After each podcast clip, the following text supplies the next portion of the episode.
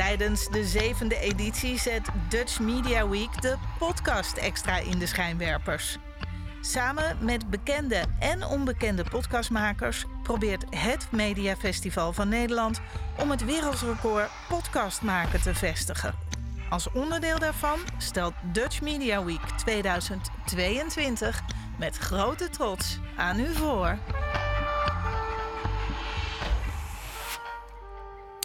Ja, en welkom bij Pruikentijd. Er zijn inmiddels zoveel seizoenen bezig van Drag over de hele wereld dat we het niet meer kunnen bijbenen. Dus wij dachten, misschien is het dus goed om even op adem te komen en uit te zoomen. Want hoe staat het eigenlijk met drag in Nederland in 2022? En wat is nou die invloed geweest van dat gigantisch succesvolle programma waar wij al jaren een mening over hebben zonder dat we zelf aan drag doen? Nou, dat doen we vandaag hier met twee hele bijzondere gasten. Diva van het eerste uur, Didi Janssens. En Diva uit de late uurtjes van tegenwoordig, Madam Madness. Twee generatie drags aan één tafel met drie andere queens. Die eh, allemaal best wel brak zijn vanochtend. Tenminste, ik in ieder geval wel.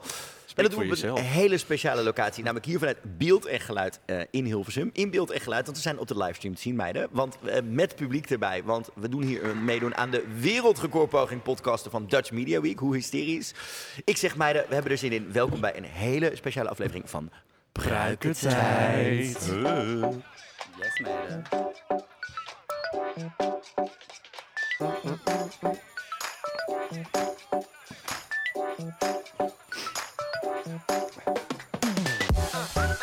Ja, en welkom bij Pruikentijd uh, met Frank Huiskomp. Met David Mondeel. En G.E. Kooijman. Hi, goedemorgen. Goedemorgen. En natuurlijk twee hysterische queens bij ons vandaag. Laten we beginnen met Madam Madness. Hallo meiden. Hallo vriendinnen. En Didi Jansen. Hallo. Oh, gezellig oh.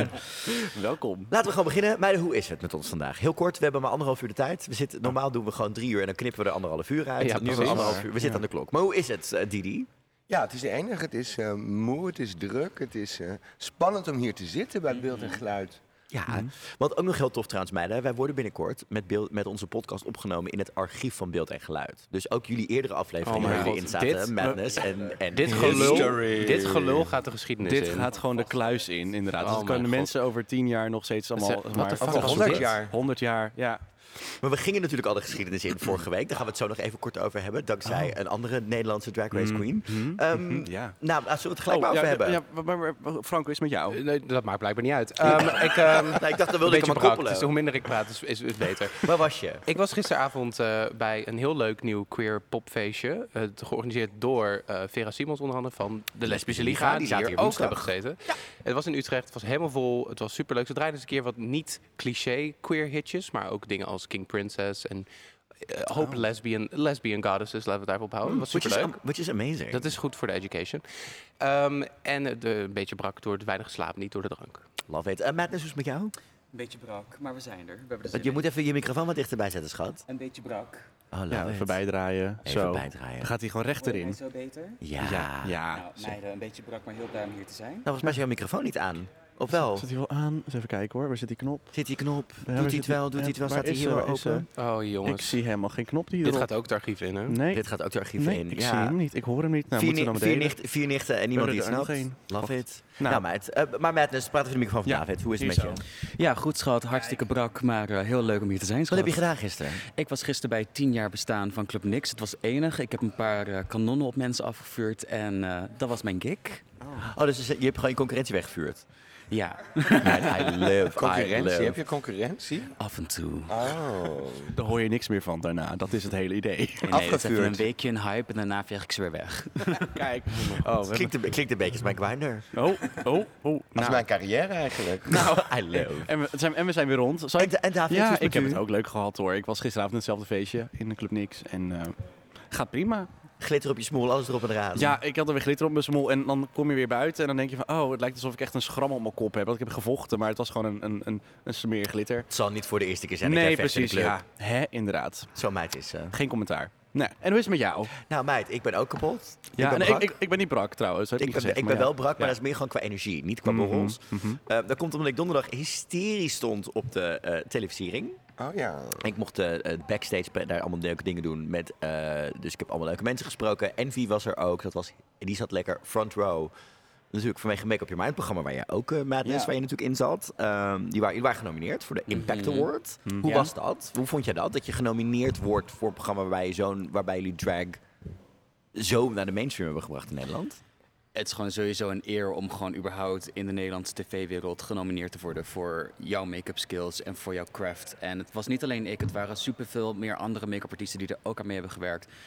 Pruikartiesten, mensen backstage die gewoon geholpen hebben. Dus gewoon een heel goed, queer, getalenteerd team dat gewoon heeft meegeholpen aan Make Up Your Mind. Dus ik ben gewoon heel trots. Nice. Ja, en dus eh, gisteravond was ik ook bij Club Nix. En eh, dat is ook, ik zit ook een beetje moeilijk vandaag, want ik heb natuurlijk gewoon lekker gisteren, meiden, hysterisch. Ja, zij wel. Maar zij ook, in ieder geval. Ja, Het logo van Club Nix laten tatoeëren en eh, Madness heeft lekker een wodkaflesje laten zetten. Ja, schat. Dan voel ik me een beetje in de minderheid, want ik heb geen tattoo laten zetten. Oké, dit had dus niet gewerkt zonder stream, hè? Zonder livestream. Nee, dat Nee, bedoel ik. precies, ja. Misschien we we dit- schrijven. Misschien moet je het vaker doen, inderdaad. Dat is wel leuk. Maar eh, we willen we het ook nog even hebben over eh, vorige week? Ja, daar wilde ik dus nu heen. Want wij waren, wij waren vorige week namelijk al onderdeel van drag geschiedenis. Of tenminste, jullie, David en ehm, Ah, ja. Frank. Want En, ik was en daar niet Jane bij. J.K., ja. En Marco.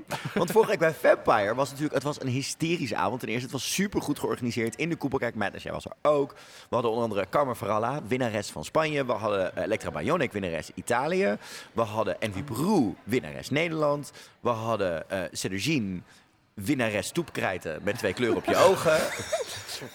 Drie kleuren. En we hadden winnares van ons hart, Juicy Couture. Ja. En, eh, Frank, je Ja. moet het even uitleggen, want hier, er gebeurde iets. Nou ja, eh, de, verrassing was ten eerste eh, dat ze daar was. Nee, grapje. De verrassing was dat, eh dat haar performance... jij, jij bent gewoon, grapje. jij bent gewoon voor een sequel aan het I solliciteren. know, ik wil gewoon nog een keer in haar performance worden opgenomen. Nee, ze had inderdaad een, een audiofragment gebruikt dat we haar aan het afkraken waren. De In de eerste aflevering van vorig jaar. Ja. Ja. En ik ging helemaal stuk toen ik dat hoorde, want ik hoorde mijn eigen... Dat was, mijn, dat was ook wat het gore lef van mij. Dat was mijn eerste aflevering. En Ja. ik zat daar als nieuweling my. bij en ik Aha. zat haar toch een beetje zo... Toen dacht ik, oh, ben ik echt erg? Maar, Ja, maar Jannie ging er nog overheen. Jane J.K. was nog wel erger hoor. Dus, Janie eh, ging er echt overheen. En jij was nog een beetje je, voet, je, je flooring aan het vinden, zeg maar. Je was nog een beetje aan het testen hoe ver je kon gaan. En Ja. je ging gewoon echt keihard. Eh, ja, het ijs was eh, dik genoeg. Nou, ik eh, blijkbaar. zakte er niet doorheen. Niet zoals de padding. Maar dit, ik zakte wel even door de grond daar, ja. Maar ik ging daar zo... Ik ging daar, moet wel even zeggen, het is zo iconic dat zij deed dus inderdaad... Ze begon met poseren tape en vervolgens deed ze alsof de telefoon overging. En kregen we dus eerst jullie te horen. eh, daarna kregen we volgens mij inderdaad de meiden van Meid te horen. We kregen Cedrogine te horen in haar reviewshow met alle soort van negatieve commentaren. En toen stond ze echt van... En dan deed ze Boss Bitch van Famke Louise. Ja, ik hield er toch van. Ja.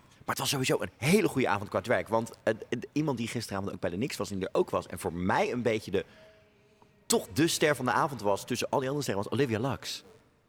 Die blijkbaar op vakantie is twee weken lang in Nederland. Ze was gezellig gisteravond ook nog ja, in niks. love it. lekker thuis Maar wat was blijven. zij heerlijk. Nee, ze, wou, eh, ze wou nog een weekje bijboeken, maar dat kon geloof ik niet. Dat Ja. zei ze. Ze, Maar- moest, ze moest echt naar huis deze week. Maar zij was zo heerlijk qua performance. Zo blij, leuk. En wat ik ook heel blij vond. En ik hoop dat de Baby Queens in het publiek dat ook door hebben gehad. Het was beeldig. Ze had niet heel veel choreo. Maar ze was gewoon twee keer drie minuten. En ook één keer met een nummer wat niemand kende. Lol aan het hebben. Het hele publiek vrat het op. Ik werd daar zo blij van. Weet niet hoe, Madness, hoe jij er naar keek die avond. Ja, het is gewoon die body en die embodiment en gewoon de hele sfeer. Is gewoon, zij weet gewoon wie zij is. Zij weet welke, wat voor performer zij is. En zij weet gewoon hoe ze een crowd aan het gillen kan krijgen. Dus ze hoeft niet veel te doen. Maar dan werkt het al gewoon gelijk. Omdat ze weet wie ze is en hoe ze het moet neerzetten. Ja, inderdaad. En ik was echt eh, eh, oprecht, die drie eh, winnaars die er stonden waren fucking iconic. Ik Toch? vond echt die line-up. eh, Lemon zei dat ook. Die zei echt voor, voor Oh, Lemon zo'n was ook nog. kom je te- mij een goed Oh ja, Lemon. Oh, lemon, ja. Zuur die, dit, eh, hoor. In de. AliExpress bodysuit. Nou ja, Oh, was het? Ja? she was Over zuur gesproken. AliExpress. Oh, ja. Mm. Nee, maar zij zei ook van met zo'n line-up, dan, kom, ja, dan ben je, voel je bijna... Het is wel eervol om daartussen te staan als je als eerste naar huis gaat. Daarom. Meiden, we gaan het vandaag hebben over drag in Nederland. Waar staat drag in Nederland nu? Maar Ja. eerst even nog gewoon... Ik heb eh, geen jingles mee, want ik ben Marco niet bij vandaag. Oh. We hebben groot nieuws als Pruiktijd. Wij gaan iets hysterisch doen. Ja. Begin volgend jaar. Yes. Wij gaan... Afscheid nemen van Frank? het is. Nee, ja, oh ja, dat gaan we hier nu live. Ja, het is een soort van... Ja. Dit is een interventie. Mijn ontslagbrief krijg ik Welkom hier. bij je interventie. Ja, oh my god. Frank, je bent Frankly, problematisch. no longer Nee, ja. David, speel het hier aan Ja, nou, we hebben het al een beetje door de aflevering heen een beetje gedropt hier en daar. We hebben natuurlijk een samenwerking eh, aangegaan eerder deze zomer met, eh, met de mensen van Mr. Jog. Ja. En die hebben eh, eh, de samenwerking eh doelde eigenlijk op met. Het einddoel was daarvan dat we nou met z'n allen naar Londen gingen, naar DragCon volgend jaar. Om daar zo lekker te, eh, te rapporteren. Ja, over wat er allemaal gebeurt en de Nederlandse meiden te volgen en whatever. Vier en een halve dag Londen, drie dagen DragCon UK. Wij zijn er met Pruikentijd bij op social media. We gaan podcast maken, we gaan hysterisch doen. En we gaan Madness volgen hoe het is om voor jullie eerst de DragCon mee te maken. Ja, oh mijn god, zo exciting. Dus heel leuk dat jullie meegaan. Ja, Wat, wat, wat, wat verwacht je, even heel kort, wat verwacht je van DragCon? Je hebt natuurlijk van Envy en van Mississippi en van Vanessa al wel verhalen gehoord. En van andere queens. Wat verwacht je? Ik verwacht gewoon heel veel hysteria, heel veel fans die jou gewoon voor de eerste keer gaan ontmoeten. En ik verwacht gewoon vier dagen lang in pijn hebben in een corset. heb je geen, eh, geen gemakkelijke looks al bedacht? Dat je denkt van, Ja, maar dat mm, gaan we niet doen, schat. Oh ja, dat weet ik niet. Je moet het wel Oké. rocken, wel nelen, zetten. zetten en... Ja, oké. Wat is die vierde nou altijd? Het zijn er toch vier? Rokken, nelen, zetten en... Dit, dit, Nee, er zijn er drie. Oh, het zijn er drie. Het zijn er toch drie rokken, nelen, zetten en... dit klinkt eh, echt als een, een goede besteding van een vuur om hier even Ja. te gaan kijken. Meiden, we zijn wel onszelf hier. Ja, Dit hoort erbij. Nee, Maar ik- vriendinnen, ik, ik, pulling Ja. a blank, ik kan hem niet vinden. Nee, het is Ik, nog eh, eentje toch? Nee, ik weet het niet meer. Ik, kijk maar niet. ik zeg meiden, we gaan het gewoon over hebben. Drag Yes. in Nederland in 2022. We zitten hier met twee talenten die er alles van weten. Let's bent open nog steeds een talent, hoor je dat, Didi? Je bent nog steeds een talent. ja. Upcoming. Ik kijk er ook Nee, nog steeds nee, op, luister, je kan bij de televisiering kun je ook nog na vijf jaar genomineerd worden voor talent terwijl je Oh, jaar op zwaar tv bent. Dus Oh. Dus, Frank? Ja, Ja, talent, sorry. Talent. Ja, Ja, talent. Maar eh, ja, hoe begonnen jullie eigenlijk met drag? Weet jullie nog de eerste keer dat jullie aan drag deden? Dus even om daarbij te beginnen gewoon. Waarom kijkt iedereen gelijk naar mij? Nou ja, Nou ja, het was, een, het was een andere tijd, de hongerwinter. Age before beauty. Nou, nou, wij dachten eerder dat Matt dus gewoon zeg maar waarschijnlijk zo dronken was die avond dat ze het niet eens meer weet. Nou ja, dat Oh my niet. God. die niet eh, Oh ja, de shade of it all. Ehm, de aller, aller, aller, allereerste keer.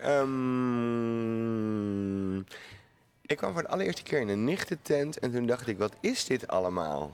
En toen vroeg ik dat aan mijn toenmalige e- eerste vriendje en die zei dat is een themafeest. En toen vroeg ik, wat voor thema? Het is een hoerenbal. En toen dacht ik, oh mijn god. En toen heb ik daarna een verkiezing meegedaan en... eh, Toen werd je de Gewonnen. The opperhoer. rest is history, ja, inderdaad. Was, was jij qua naam toen gelijk Didi Janssens? Ehm, ik, had, ik heb echt een heleboel namen gehad. Echt een hele, heleboel.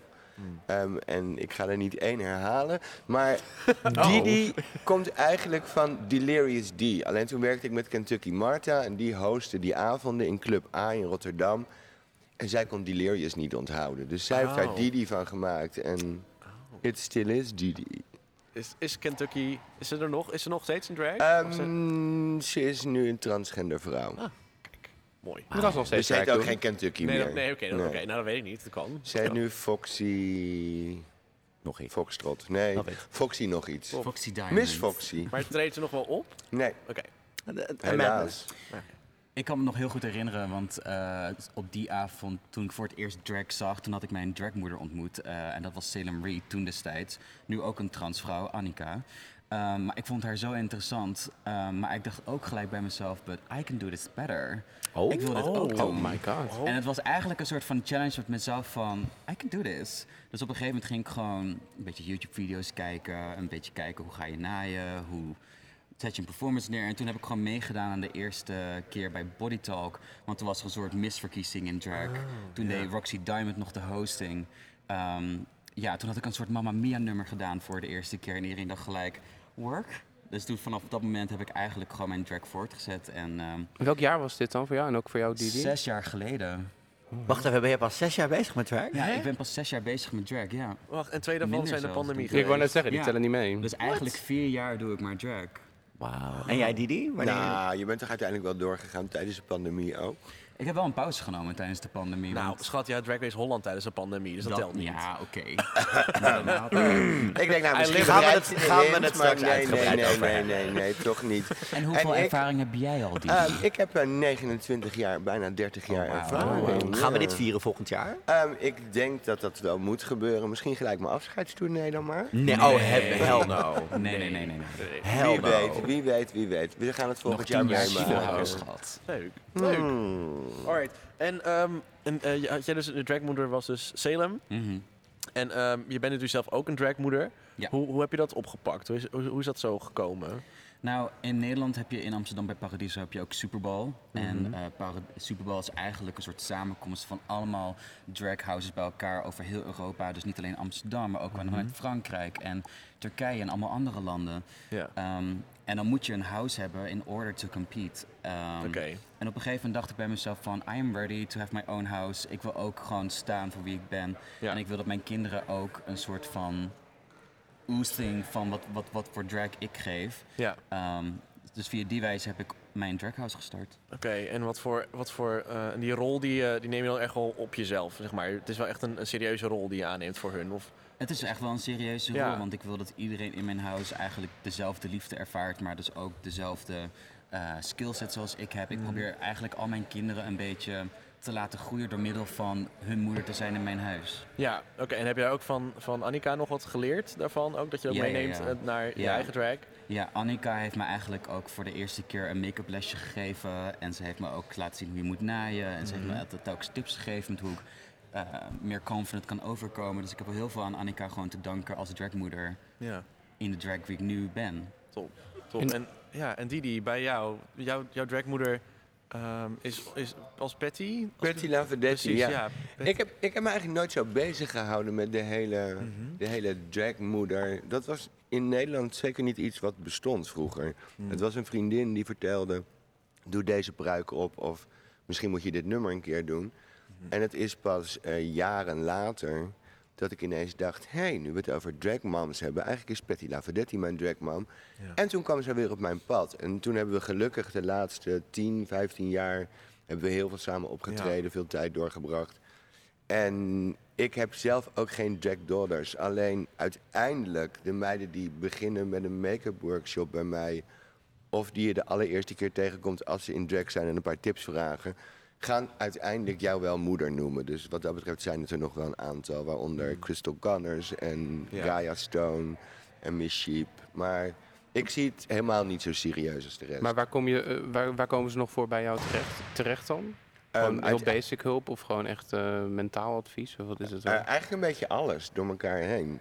Door als je naar iemand als Gaia kijkt, die is natuurlijk zo snel, zo enorm gestegen. Mm -hmm. En ja, Sommige mensen gaan ervan naar zijn schoenen lopen. En dan is het wel fijn om met iemand die wat ouder is, daar gewoon even ruggespraak over te kunnen hebben. Ja, ja we willen natuurlijk wel ook nog wel even stilstaan bij de legende die Patty Lovedetti is. Want ja, ze is helaas eerder dit jaar van het podium des levens gestapt, hè? in die zin. Ja, het is voor haar... Wie was zij en, en wat deed ze allemaal? Want wij kennen er, David en ik, vooral ook als ze met jou mee kwam naar de Amstel 54. Van iconische performances en een ontzettende blijdschap. Maar wie was zij? Want ik denk dat voor onze luisteraars het belangrijk is om ook die drag-geschiedenis te weten. Wie was zij? Ja, de grap is natuurlijk dat drag in... Wat een herrie hier. Maar het is hysterie. Ja, lekker een karretje. Uh, sorry, we zijn een podcast aan het maken. Dank je. Heel goed. Dat hadden jullie ook kunnen doen, toch? Maar goed. Ja, dat het woord. Um, ja, Patty Laverdetti. Het, het, is natuurlijk bijzonder in vroeger tijden. Ik bedoel, die vrouw die heeft, geloof ik, 35 of 38 jaar drag gedaan. En als jij dan in Den Haag zit, dan, ja, dan kwam je niet heel ver. Dus zij toerde rond met onder andere de Nederlandse Shirley Bessie toen de tijd. En met nog een ander komisch duo. Maar ja, dat was een beetje zo net buiten de Randstad en verder kwamen ze niet. En zij was langzaam wel een beetje ondergesneeuwd tot ik haar weer tegenkwam. En toen haalde ik mijn rijbewijs en toen was ineens... En wat, natuurlijk dat hele social media. Ja. En toen was de sky the limit. Dus zij ging helemaal uit haar dak als we ergens in Maastricht of in Friesland of in België kwamen. Dat mensen gewoon wisten wie zij was.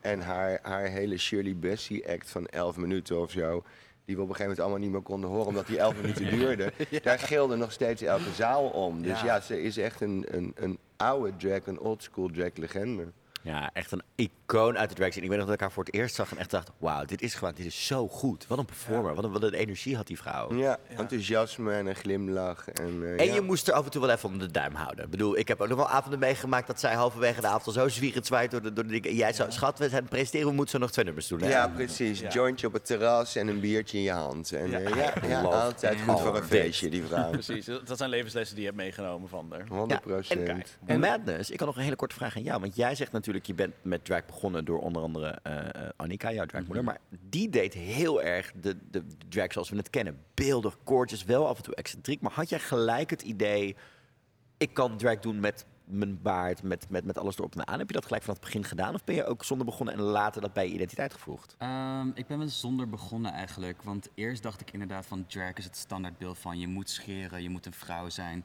je moet uh, het tegenovergestelde gender zijn dan dat je in werkelijkheid bent.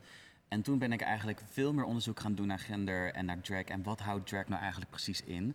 En drag is eigenlijk veel meer een, een, you know, een, een underground culture van dat veel meer te maken heeft met genderbending en expressie en kunst. En het is niet alleen maar één kunstvorm dat je een vrouw moet zijn. Drag is eigenlijk een kunst van gender en een expressie van, van, van je seksualiteit. Ja. Ehm, en op basis daarvan ben ik veel meer gaan exploren met mijn drag. En ben ik eigenlijk meer een statement gaan maken van, you know, a beard is not masculine. Uh, scheren is ook niet vrouwelijk. Um, lichaamshaar is ook niet mannelijk. Ik wil eigenlijk mensen gewoon veel meer laten nadenken over wat is gender precies, wat is seksualiteit precies. En eigenlijk zouden we veel losser moeten nadenken en veel meer in het grijze moeten leven dan alleen het zwart en witte. Mooi. Mooi. Wanneer uh, hebben jullie uh, besloten, omdat je echt van ik kan fulltime, ik kan echt nu fulltime bezig gaan met werk. Ja, doen jullie het fulltime eigenlijk? Ja. Ik ja, ik ook wel. Ik, uh, sinds vijf maanden doe ik het nu ongeveer fulltime. Gewoon geen baan meer daarnaast, gewoon alleen het leven van Jack. Mm Nou, maar hoor je die deur hier binnen gaan, want wie komt er even binnen zeilen? Hè? Oh, even tussendoor. Ze is er nog hoor, Marco oh, Dreyer, ze is er, jouw vriendin, ze is er weer bij. Ze voelt zich nog niet te goed voor ons. De maar, maar Didi, wanneer kwam jij erachter dat je dit fulltime kon gaan doen? Um, ik doe het nu tien jaar fulltime. En de twintig jaar dus bijna, of 19 jaar daarvoor, heb ik het altijd ernaast gedaan. En dat heeft gevarieerd van 12, 14 tot 20 uur daarnaast werken. Mm. En eigenlijk altijd de weekenden vol. Ja, want jij hebt ook nog daarnaast nog steeds volgens mij je decolletage, je, je boobs bij Didi, toch? Ja, nou ja, ik heb, ik heb tien jaar geleden heb ik gewoon van Didi gewoon een brand gemaakt, Didi's Dollhouse. En ik naaide tot aan corona naaide ik ook kostuums voor anderen. Daar ben ik uh, met de fabuleuze kostuums die ik nog voor Tabita heb gemaakt voor Drag Race Holland. Oh, wat leuk. Heb ik, uh, heb ik daarmee echt afgezwaaid. Want ik vind het echt afschuwelijk om voor anderen te naaien, ben ik achtergekomen. Ja? Kijk. Ja, dat is echt niet leuk om te doen. Um, dus het is inderdaad kleding en natuurlijk uh, de fameuze breastplate decolleté bij Didi. Love it. Wow. Heb, je, heb jij er eentje van Didi? Ik heb ze wel gevoeld. En ze zijn goed, hè? ze zijn goed, ja. Ik weet nog dat ik een paar jaar geleden ook voor het eerst zeg maar, aan een, een stel boobies van Didi mocht zitten. En het, het, ze voelen echt... Oh, ja, het zijn echt twee, twee, twee bergen. Gewoon. Twee kwartassen. Ja. Zijn het de units? Ja? Ja. Het is gewoon de bedoeling als je ondersteboven hangt, dat ze net als bij Pamela Anderson nog steeds mooi rechtop blijven staan. Kijk, dat lukt. Ja, en vriendinnen, ik vroeg het me dan af. Hè. Um, um, voordat zeg maar, jullie het in, zeg maar een paar jaar geleden, als je teruggaat, en zeker die die jij hebt de, de afgelopen hè, de, twee, drie decennia meegemaakt. Wat is er veranderd qua drag? Zeg maar, ik, ik, ik krijg zelf namelijk af en toe het idee alsof we veel meer aanzien hebben voor drag nu. Dat je niet, we, we kennen de verhalen van vroeger. Je werd altijd in een bezemkast neergezet en je mocht één nummer doen, maar je werd niet zo gerespecteerd. Hebben jullie dat ook gevoeld qua drag en dat we daar nu een verandering in maken? Ik denk dat je nog steeds af en toe in een bezemkast wordt ja. weggezet. Je staat nog steeds af en toe in een flessenhok of in een mhm. kelder waar je niet rechtop kunt staan. Mm wel. Um, nee. Not to be shady. Nee, nee, nee, nee. Maar ik bedoel, dat gebeurt nog steeds. En heel vaak heeft het niet eens te maken met het aanzien. Maar gewoon dat Nederland er niet op is gebouwd om goede kleedkamers te hebben mhm. in een cafeetje. Nee. En het aanzien, ja, het is natuurlijk allemaal zoveel professioneler geworden. Vroeger had je niet, want het is leuk. Met zegt, ja, uh, Salem heeft me attent gemaakt op drag. Toen ben ik wat dingen op YouTube gaan kijken. Maar alles leuk en aardig, maar hoe denk je dat het vroeger ging? vroeger moesten mensen gewoon echt een hele tijd bezig zijn. Wilden ze gewoon enige ontwikkeling hebben doorgemaakt.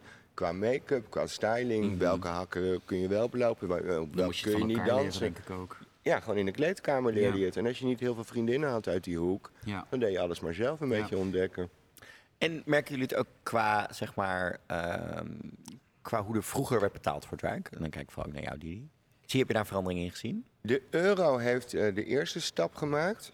Mm -hmm. Heel gek, maar oh. op het moment dat de euro inkwam, werd er ineens gewoon echt beter betaald dan in guldens. Oh, dat was heel bijzonder. Ja. ja, Madness, vroeger hadden we dus de gulden. Ja, ja. ik even uitleggen. Florijnen. Het publiek ook even. Eventjes, ja, precies. Dat Hele ten dagen is het ongeveer 1,87. Oh. Voorheen was het 2,2 en dan nog een paar cijfers. Ja. Ja. ik heb alleen van mijn vader meegekregen dat vroeger altijd beter was met de guldens. Dus, uh, oh my god. Ja, nou het gekke is dus, eh, de drag salarissen niet. Die zijn beter geworden met de euro's.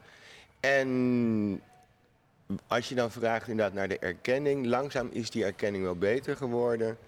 Omdat we allemaal gewoon makkelijker wat meer om erkenning vragen. En dan niet alleen maar in de vorm van een kleedkamer, maar ook in de vorm van gewoon een fatsoenlijk salaris. Mhm. En dan heb je natuurlijk al. Oeh, ik trek ergens iets uit. Love it. Nou, Oh. ik hoor je nog steeds. Ik hoor hoor. Oh ja, nog nou, steeds, alleen ja. ik hoor het nu niet meer. Oké. Oh. Oh, Oh, dan heb moet je iemand kabel even... uitgetrokken? Eh. Duw, duw Didi even terug erin. Ik ga Oké. even zoeken hoor. Duw? Didi, Didi, duw even terug. En die, die zit er weer terug in en die, die is gelijk uit het verhaal. Waar was ik? Jezelf Erkenning, meer erkenning vragen. Erkenning vragen inderdaad. Nou ja, inderdaad, door gewoon inderdaad wat meer geld te vragen. Of in ieder geval een, een, een fatsoenlijk salaris. Zodat je wel uit die onkosten kan komen en niet er altijd geld bij moet. Ja. Ja, en toen kwam natuurlijk Drag Race op televisie. Niet de Nederlandse versie, maar dus de internationale eh, Drag Race. Heeft dat er ook aan bijgedragen, denk je? Toen RuPaul ermee begon? Nou, in het begin zeker niet. Nee. Nee, absoluut niet zelfs. Nee. En heb je, dat, heb je dat zelf wel nog gekeken ook? Eh, Of was het iets wat je eigenlijk ook niet naar wou, wat je niet interesseerde ook? Oh ja, wel 100 televisie? procent. Ik, Ja. ik, ik hoorde de eerste keer over omdat mensen me vertelden dat er iemand in een Amerikaans spelprogramma zat, zoals America's Next Top Model. En die deed heel erg aan mij denken. Met een kaal hoofd en een getatoeëerde arm. En dat was Raven. En dat was het tweede seizoen volgens mij. Oh, ik wou net zeggen. Ja. Ni- dat- dat- Nina Flowers? Wat? Nee? Ja, ik dacht Ja. niet Flowers. Dat was het eerste Oh, inderdaad. ik dacht gewoon, ik dacht gewoon, je noemt gewoon nu gewoon RuPaul een beetje de Amerikaanse Didi. Oh, nee, nee, nee, Oh, nee, nee, leuk. nee, daar ging het niet om. Is het tatoeages? Oh, wat leuk. Vast wel. Vast wel. Misschien heel Maar die worden ook weggesminkt. Misschien, ja. misschien de Ja, co In ieder geval, toen ben ik naar Drag Race gaan kijken. Ja, ik weet niet waar jullie nu weer Nou, op gaan beginnen nee, kletsen. ja. Toen ben ik inderdaad Drag Race gaan kijken en ik heb het... eh, in het begin moest je het downloaden en moest je heel hard zoeken. Ja. En elke week moest je weer opnieuw die zoektocht. LimeWire. Game torrents en weet ik wat allemaal. Ja. Torrents. Ja. Wacht. eh, Dus ja, op de voet gevolgd eigenlijk wel. Ja? Ja. En al, Ehm. en met je ervaring als drag queen, die dan, als je dan, keek je dan heel anders tegenaan? Dat je denkt van al die meiden die komen net kijken en... eh, Nou, wat wel heel grappig was, wa- was, was dat je het in Nederland al lang niet meer in je hoofd haalde om iets te dragen. En daar dan een corset omheen te slingeren en dan net te doen alsof het een enorme runway look was. en dat gebeurde dan daar nog wel. Ja, nee, klopt. Alleen als je dan de rassen schreden ziet, en dat heeft zeker te maken met budgetten, niet alleen maar met, met inventiviteit of originaliteit. Maar naarmate die budgetten bij iedereen omhoog zijn gegaan bij die Amerikanen, zie je natuurlijk dingen die gewoon out of this world zijn. Ja. En er zijn ook ontwerpers gekomen die natuurlijk totaal gespecialiseerd en totaal toegelegd, zich totaal toegelegd hebben op drag. En dat is natuurlijk net vijf stappen meer dan de gemiddelde couturier kan doen. Ja. Ja. Als ik ook een beetje mag inhaken Ja. over het budget in Nederland. ehm, kijk, ik heb Drag Race Holland natuurlijk gedaan. Ja. En ik vind dat er door Drag Race Holland en door Drag Race zelf ook een best wel een onrealistisch beeld is over drag. Want heel veel mensen denken na Drag Race bijvoorbeeld van... nu ben je rijk, nu krijg je alle boekingen... nu kun je alle outfits betalen, alle designers werken met je samen, et cetera. Maar drag van begin tot eind, ook tussen met drag door dat soort dingen... it's not the most well-paid job. Het is gewoon... You do it because you love it. En soms heb je een paar lekkere opdrachten ertussen zitten. Maar I can speak from experience dat er nog best wel een heel groot systeem is in Nederland over als je een beginnende queen bent, als je minder kan performen, als je minder ervaring hebt. Dat is echt een soort ranking systeem van hoeveel je betaald wordt. Ja. En vertel daar eens o- over dan. Ja. Hoe werkt het Wij weten jou? dit niet, dus nee, precies. Want ja, de luisteraar niet. is dat Ja. heel transparant? Is dat weten mensen, weet iedereen dat eigenlijk vanaf? Of dat het allemaal gewoon regels zijn waar iedereen vanaf weet? Of is het echt iets wat... een beetje denk Krijg je, krijg je als beginnende drag queen gewoon een CO voor je neus? Ja, dit is je schaal. Ja, is Ik denk dat schaal? iedereen wel de ongesproken regeltjes wel een beetje kent uit Mm. hun hoofd, maar niet per se altijd met elkaar deelt. Mm. Ehm, maar ik merk bijvoorbeeld dat een bar dan bijvoorbeeld zegt van hier kun jij performen voor twee eh drankmuntjes. en En. En het- En dat is jouw betaling. En als je dan bijvoorbeeld bij een of ander groot bedrijf zit, dan is het gelijk hier heb je 2k voor eh, een uurtje werken. Er is dus gewoon een heel groot verschil in tussen eh, bij welke werkplek je gaat werken in Ja. drag. Balanceren jullie dat dan ook zeg maar, op die manier met, met, met elkaar? Dat je de kleine gigs doet en dat je weet dat je de grotere gigs nu kunt pakken. Daar zijn jullie allebei Ja. redelijk bevoorrecht in, dat jullie die kans krijgen. Waarvan je weet, ik pak een grotere, dus een kleine. En daarmee balanceer ik zeg maar, wat ik aan inkomen heb. Dus vandaar. Hoe, werkt dat? Nou, ik, ik vind persoonlijk vind ik het een hele lastige. Kijk, ik woon niet in Amsterdam, natuurlijk. Ik kom uit Den Haag. Ik heb een eigen website en ik haal klanten binnen. Of ik word benaderd door klanten die uit alle windhoeken komen, waar heel veel bedrijven bij zitten. Gewoon als jij op Drag Bingo of op Drag Show gaat googlen, ja, dan kun je op allerlei agencies uitkomen. Maar je komt makkelijk, laagdrempelig, kom je op mijn website. Daarmee ehm, heb ik een, een positie dat ik een prijs kan vragen. En mensen kunnen daar ja of nee op zeggen. Woon jij in Amsterdam en ben je afhankelijk van het circuit daar, mhm. dan ben je afhankelijk van die gigs voor twee drankbonnen en een tosti. Of 150 eh, euro en als je een kwartier te laat bent, dan word je eruit geflikkerd en je wordt gelijk zwart gemaakt op heel social media. Weet je, dat soort gezeik heb je. En ik heb gewoon bepaalde kroegen in Amsterdam waar ik gewoon niet meer hoef te staan. Die ook zeggen van, nou ja, dan bellen we je niet meer omdat ik gewoon zeg, ik vind het echt peanuts. Ik bedoel, vroeger betaalde je me zoveel en dan kreeg ik er onkosten bij. En nu wil je voor uh, bijna de helft wil je dat ik kom en ga je verontwaardigd doen als ik nee zeg. Maar, Daar doe ik gewoon niet meer aan Maar dat lijkt de omgekeerde wereld. Ik zou toch denken dat dat, dat respect zou zijn toegenomen en ook de, de, de betalingen en hoe ze met jullie omgaan. zeker de queer bars en zo. Ik ga zeker geen namen noemen, maar, maar, er is sowieso is er gewoon één, één eigenaar echtpaar in Amsterdam die daar gewoon echt een potje van maakt. En Jan en Alleman gaat erin mee. En hele ten dagen heb je natuurlijk de drag dollars. Dus dan zeggen mensen, net als in de States, zeggen mensen wat makkelijker ja tegen een lager salaris. Omdat ze weten dat er genoeg fans komen om dat salaris aan te vullen. Ja. ja. Terwijl... Dat, is de omgekeerde wereld. Ja, en dat is voor mij ook nog niet de gedachtegang. Nee. Hier in Nederland. Ik wil gewoon een fatsoenlijke gage krijgen. En dan niet in het drankhoek hoeven staan en bla bla bla bla bla. Maar het begint toch uiteindelijk wel met het bedrag wat je kunt factureren aan het einde van de mhm. week. En maar, maar in, het, in het algemeen, als je gewoon even, even, even, even terug en even uitzoomt, de, gewoon in het algemeen de invloed van Drag Race, wat is dat volgens jou geweest op de Nederlandse scene? De Nederlandse scene en op hoe jij je werk doet? Nou ja, ik denk dat je zeker kunt merken in, in een heleboel zaken in Nederland dat het veel meer gewaardeerd wordt dan vroeger. Ja? Vroeger had je, er komt een artiest optreden, en dat was mhm. dan een volkszanger. Er komt een artiest een praatje doen, dat was dan een Nederlandse acteur of actrice. En er treden een paar travestieten op. Zo is het gewoon nu niet meer. Nu is het van, we hebben die drag en we hebben Madame Madness en uh, die, die komt het presenteren. En er komt ook nog een zanger en een goochelaar. Dus het is wat meer in balans gebracht nu. Omdat je inderdaad gewoon Drag Race hebt gehad. Omdat RuPaul uh, Emmys wint in Amerika. En ja, we zijn gewoon best redelijk mainstream geworden. Zonder al te belachelijk commercieel te geworden Maar dat zit vooral bij de fans. Want je ziet heel erg dat de fans, je hebt er veel meer fans bij gekregen. En mensen die naar de bars komen. Maar je hebt ook dus nog steeds de verhalen dat het niet altijd gelijk loopt met de mensen die je boeken. Nou ja, het is dus blijkbaar een, een verdeling is er dus. In onze, lijkt, blijkt wel alsof er in onze eigen scene, zeg maar, de, zeg maar, de, de tarieven en het, het, het, allemaal hetzelfde is. Alleen, en dat, en dat het echt blijft, terwijl juist de internationale of de grotere uh, mainstream gigs juist wat beter betalen. Over het algemeen. Die er later bij zijn gekomen.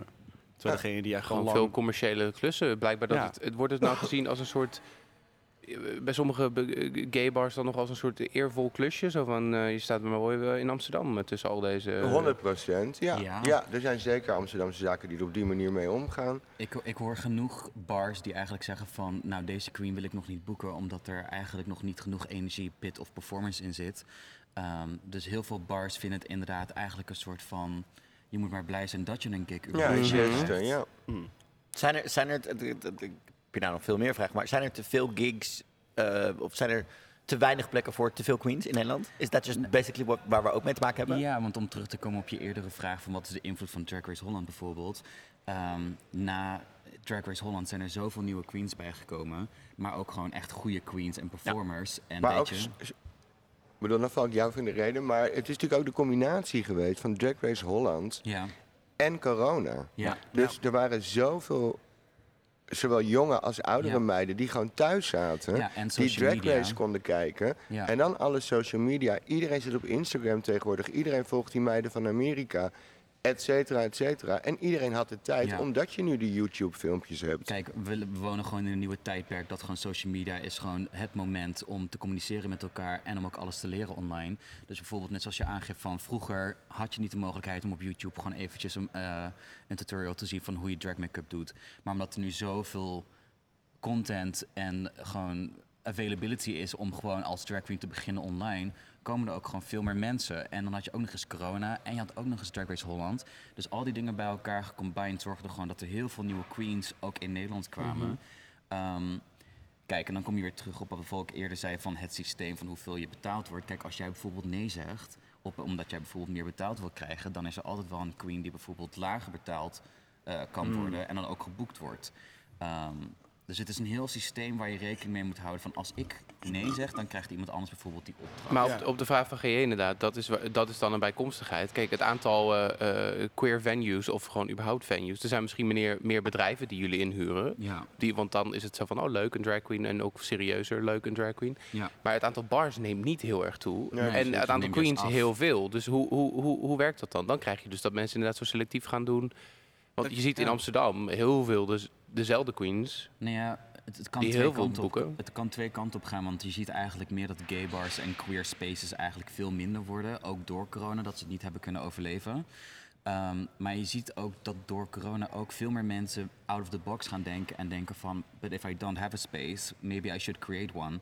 En dat ze dan bijvoorbeeld naar een restaurant gaan en dan gewoon zeggen van, hey, ik ben een drag queen en ik kan een hele leuke avond organiseren. Vind je mij leuk? Dan maken we daar een spontane avond van elke uh, één keer in de maand. En zo mhm. creëer je eigenlijk gewoon nieuwe plekken. Dus corona heeft er ook weer voor gezorgd dat mensen meer gaan nadenken van... if I don't have a space, I create one. Ja, en wat we natuurlijk ook zien, wat in de pandemie is ontstaan, is natuurlijk de drag agencies. We hebben er nu twee of drie in Nederland. Dat zagen in het buitenland is wat van hierheen gekomen. Uh, Didi, jij zit volgens mij nog steeds bij de agency, Drags? Of? Ja, Drags, of Anarchy inderdaad. Ja. Matt is jij niet. Nee. Uh, beginnen bij jou, Didi. Wat levert het jou op dat er een drag agency is? Dat, dat, dat, wat nemen ze voor je uit handen? Wat maakt het makkelijker voor jou? Um, de onderhandelingen, de voorwaarden. Een hele duidelijke technische rider. Die gewoon met de klant wordt doorgenomen. Waar ik, als ik mijn eigen boekingen regel, toch echt nog steeds op een boeking aankom. En dan is er geen geluidsinstallatie. Nee, en, en, en, even voor dan indicatie. Hoeveel uur bezig was je daar voordat je een eentje had zelf mee bezig? Want je doet fulltime hè, drag, laten we het uitgaan. Maar het is niet 40 uur in een week. Want dat, het zeg maar, dus het is veel meer. Hoeveel uur was jij dan per week bezig met dit soort onderhandelingen en dat soort dingen? Nou ja, Nee, er gebeurt hier echt van alles om ons heen. Hysterisch. Het is hier een lekkere galmbak. Ja, love it. Heftig. Heerlijk, heerlijk, heerlijk, heerlijk. Gewoon door met de microfoon. Ja, we gaan gewoon lekker door. Um, het is natuurlijk heel verschillend hoeveel uur besteed je eraan. Want ik, ik zeg altijd dat ik zo'n 3,5 een 3,5 gig per week gemiddeld heb. Dus dan heb je, heb je ook wel eens een weekend niks. Maar ik heb ook wel eens, eh, weet ik veel, 6, 7 gigs in vier dagen. En ben je daar 40 uur mee bezig? Soms wel. Want buiten het feit dat je haar moet regelen, make-up moet kopen, die hele zooi ook weer op moet ruimen, sommige dingen. Nou, noem allemaal maar op, al het onderhoud ja. eraan. Ja. Ik bedoel, er moeten ook dingen aangeschaft worden. Maar de tijd die ik doorbreng, en dat is ook wat er zeg maar, als ZZP'er ook geldt. Ik bedoel, de tijd die ik doorbreng aan ideeën vergaren en het internet afstruinen. Zelfs je social media bekijken en links en rechts een screenshotje maken. Dat is ook onderdeel van mijn werk. En dat is natuurlijk het mooie van dat je je werk en je hobby hebt kunnen combineren al die jaren. Dus het kan heel intensief zijn. En wat nemen zij mij uit handen? Ze nemen me heel veel van die onderhandelingen uit handen. En zij hebben natuurlijk een heel breed platform bij te creëren door een, door een Envy, door een Vanessa, die ook allemaal bij Jacks of Energy zitten. Dus ja, dat legt ons allemaal geen windeieren. Nee. En daarnaast, zoals ik al eerder aanhaalde, um, heb ik en mijn eigen website en nog links en rechts een online platform waar je ingeschreven staat. Dus het komt van alle kanten. En soms kost het heel veel moeite om te onderhandelen met een klant. En soms is het binnen een mailtje gebeurd. Maar even over die uh, riders. En voor de luisteraars, het zijn gewoon een beetje de, de, de, eisen, om het zo maar te zeggen. Of de dingen die je wil dat geregeld zijn voor je. Ja, wat die zijn geregeld dat, wat moeten, zijn, moeten zijn. Zodat jij gewoon zo goed mogelijk uit de verf Precies. komt. En wat is dat voor jou? Wil je dat ehm, delen wat, jou, wat, wat er deel van uitmaakt? Oh ja, ik heb uh, koffie en, uh, en cola light. Het liefst ook ijsblokjes. Het liefst een raam of frisse lucht in een kleedkamer. Een kleedkamer die afgesloten kan worden. Maar veel belangrijker is gewoon een goede geluidsinstallatie. Dus zodat als ik lip zing, dat mensen dat je niet... goed uit de verf komt. Ja, dat het niet zo'n zo'n goudvissensyndroom is. Dat mensen alleen maar horen in plaats van dat ze leuk Beyoncé op de achtergrond horen. Oh. En uh, met een microfoon, je moet gewoon een goede microfoon hebben, goede speakers, het liefst een monitor et cetera. En dan waar kan ook gewoon te maken hebben met hoe je jezelf klaarmaakt backstage. Dus als er bijvoorbeeld mhm. geen spiegel is, dan kun je bijvoorbeeld al je outfit niet Ja, daarom, ja. Um, maar er moet ook drinken zijn, er moet ook een toilet zijn, er moet ook gewoon elektriciteit zijn. En soms word je echt gewoon in een bezemkast neergezet. Laatst was ik bij een festival geboekt en dan kreeg ik gewoon letterlijk een kamer. En het stonk gewoon letterlijk naar schimmel en naar zweet. En er was geen elektriciteit, er was geen spiegel. En dan denk je toch bij jezelf van, ja, had ik toch even een rider moeten Er stond nadrukkelijk op je rider stond geen schimmel, alsjeblieft. Ja, geen en, wel, en net als Valentina, rode M&M's en champagne. Of was het ja, dat, dat hoopte ik dan, die glamorous-achtige eisen. Dus jij uh, zit niet bij een agency. Nee. Um, merk je het verschil, zeg maar, sinds Race Holland? Ik bedoel, een aantal van jouw uh, castmembers zij zitten wel bij een agency. Heb je dat verschil gemerkt na het seizoen? En waarom heb je ervoor gekozen om niet bij een agency te gaan? in boekingen bedoel ja, of, of dingen die je zelf moet regelen, waar die andere meiden niet meer mee bezig hoeven te zijn. Ja, kijk, ik heb eigenlijk vanaf het begin af aan heb ik altijd mijn eigen mail gedaan en mijn eigen boekingen en alles bevestigen. Ehm, maar op een gegeven moment, Drag Race, kreeg je natuurlijk wel wat meer opdrachtjes erbij. En dan op een gegeven moment moet je dan gaan leren onderhandelen voor een goede, you know, een goede prijs.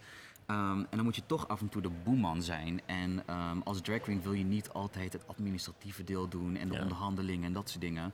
Dus het gaf mij mentaal, gaf, maakt het mij wel een beetje moe dat ik de hele tijd dan ja. de boema moest zijn, onderhandelingen moest doen en gewoon telkens alles voor mezelf moest regelen. Dus ik merkte wel dat de meiden die dan een, een agency hadden, die hadden het gewoon makkelijker. Die zeiden van, oh ja, dat doet mijn agent allemaal, dat hoef ik allemaal niet meer te regelen. Zo fijn. En dan denk ik echt van, oké, ik ben wel een beetje jaloers. Weet je Maar het zegt wel wat. Wil je een stage lopen bij Madness? Mail ons, Drag Race Podcast, ja, wij, doen een wij doen een sollicitatie, we gaan gewoon een oh. intern voor je regelen, toch? Ja? Oh, dat lijkt me een soort auditieprogramma. Oh, oh. we niet, uh, ja, Madness, next, top, next top intern. Ja, oké. Je mag top gewoon bottom of fair zijn. Ja, Maakt niet uit. We don't judge. Nee, maar wat, het zegt wel weer wat. Als je die agencies hebt, zegt wel weer wat over de professionalisering van, van, van drag. Het is niet meer zo van, die, die, wat je zei, soms is het misschien nog een beetje die, de clown die komt optreden op een, uh, op een feestje. Maar je wordt wel iets ja, daardoor versterkt. Het is, het is een wat serieuzere business. Het is duidelijk, want als het niet, eh, ze zijn er voor een reden. Het is ook echt nodig blijkbaar om al die boekingen te kunnen handelen en kunnen, af, ja, en kunnen filteren voor die meiden, toch? En als je niet uitgebuit wordt of iets anders. Het, het heeft ook wel impact op je sociale relaties hoor. Want heel veel meiden die nu bijvoorbeeld een agency hebben, um, dan hoor ik bijvoorbeeld wel heel veel queer spaces die dan eigenlijk zeggen van ik vind het helemaal niet zo leuk. Want hmm. uh, de persoonlijke connectie die ik had met deze meid of deze queen, die valt nu gewoon weg. Omdat het eigenlijk alleen maar via de agency gaat. Er zit nu een laag tussen. Dus het kan professioneler gezien worden, maar het kan ook als meer afstandelijk gezien worden. Ja, want het is gewoon heel zakelijk wordt het dan uiteindelijk. Ja. Dat, snap ik wel. Ja. Nou, maar we praten zo nog even lekker hysterisch door. Ik wil nog veel meer weten ook over stijl en andere dingen met drag die er te maken hebben. Maar we hebben natuurlijk ook gewoon, dat zeiden we al, een samenwerking met Mr. Jock. Dus uh, David en ik gaan gewoon even, even ordinair een paar minuutjes gezellig lullen over iets heel erg sletterigs. Dus tijd voor een kleine break. Tot zo. Las.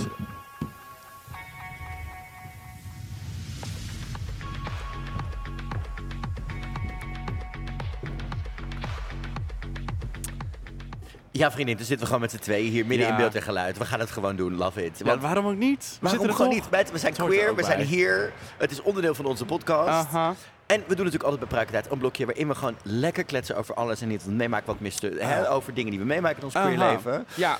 Doen we natuurlijk altijd in samenwerking met Mr. Jock. Ja, onze grote, grote vrienden bij Mr. Jock. Ja, inderdaad. Uh, Frank liep hier ook al rond net met eindelijk zijn Mr. Jock fan. Die is ontzettend blij. Als een kind zo blij is Ja, ze is echt als een kind zo blij. Ze heeft nog niet open lopen, lopen tworpen. Maar ik ben bang dat dat inderdaad hier heel gaat galmen. dus dat mag oh, niet. Dat mag gewoon nee, niet. De vraag is natuurlijk bij, bij, bij Frank natuurlijk, net zoals bij alles wat hij aanraakt, hoe snel scheurt het uit? ja,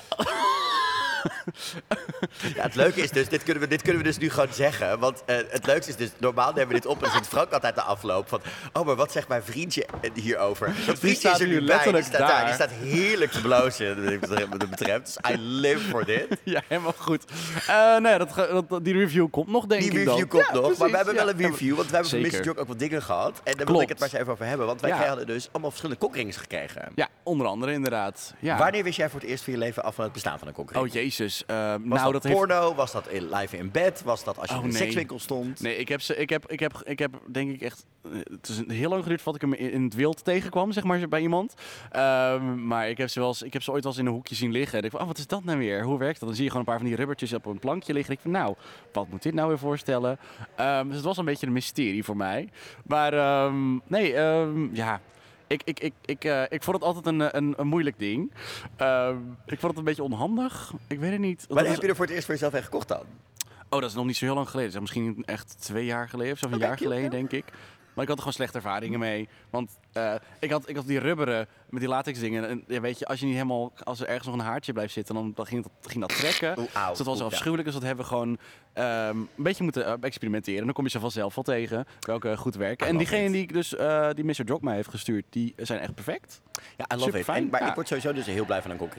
Want ik vind het Vertel. Soms, het, want, nee, maar luister, het, mensen hebben... Ik had in het begin het idee dat je het dus alleen gebruikt als je zeg maar last had van hem omhoog houden. Dat het oh, zeg maar nee, soort ja, van... Nee, maar het kan dus ook gewoon... Het, ja, maar uiteindelijk is het ook gewoon... Het, het staat heel leuk. Of je vindt het... Ja. Ik vind het bijvoorbeeld bij mezelf, en dan zeg ik het gewoon heel eerlijk. Ik vind het af en toe gewoon heel sexy staan. Ja. Daarom, ik heb een, een aluminium. Die heb ik toevallig van jou gehad, voor mijn verjaardag. Ja, klopt. Je kan hem dus ook gewoon gezellig... Hè, Als cadeautje, ja. Een dingetje doen. Weet je, het is geen, geen, het is geen verlovingsring, maar gewoon een... Uh, een vriendschap, een BFF-ring. Een BFF-ringetje, inderdaad. Je ja, hebt er net, je hebt er net niet de datum in laten, laten graveren. I live for this shit. Maar we hebben het dus, maar wat ik dus oh, heel grappig vond... Geef me geen ideeën, maar ga door. Give me a try, bitch. Give me a try, bitch. Property of. Ja, nee. Oh, oh nee, nee. Property okay. of. Ja, ik hou ervan, Ja. Maar waar ik dus heel goed op ging, ik kreeg er dus een van Mr. Jock uh -huh. met gaatjes erin. Toen dacht ik. Gaatjes? Ja, dat ademt dus een stuk beter. Oh, ja, heb, Want het leuke is dus, kijk, ik, kijk, kijk, sowieso, luister. Oh.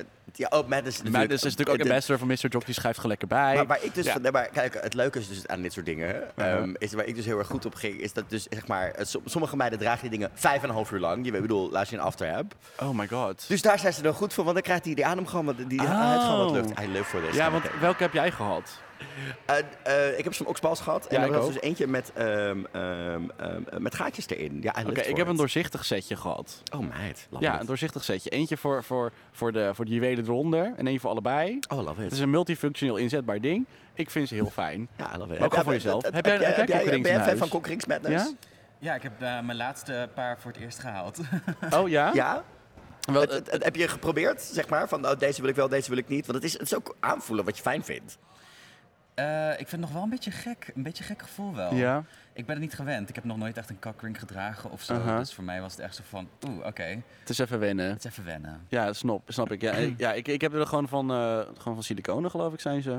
Love zijn prima. Ja, ik heb gewoon een paar zwarte... Ja, grote je Zo...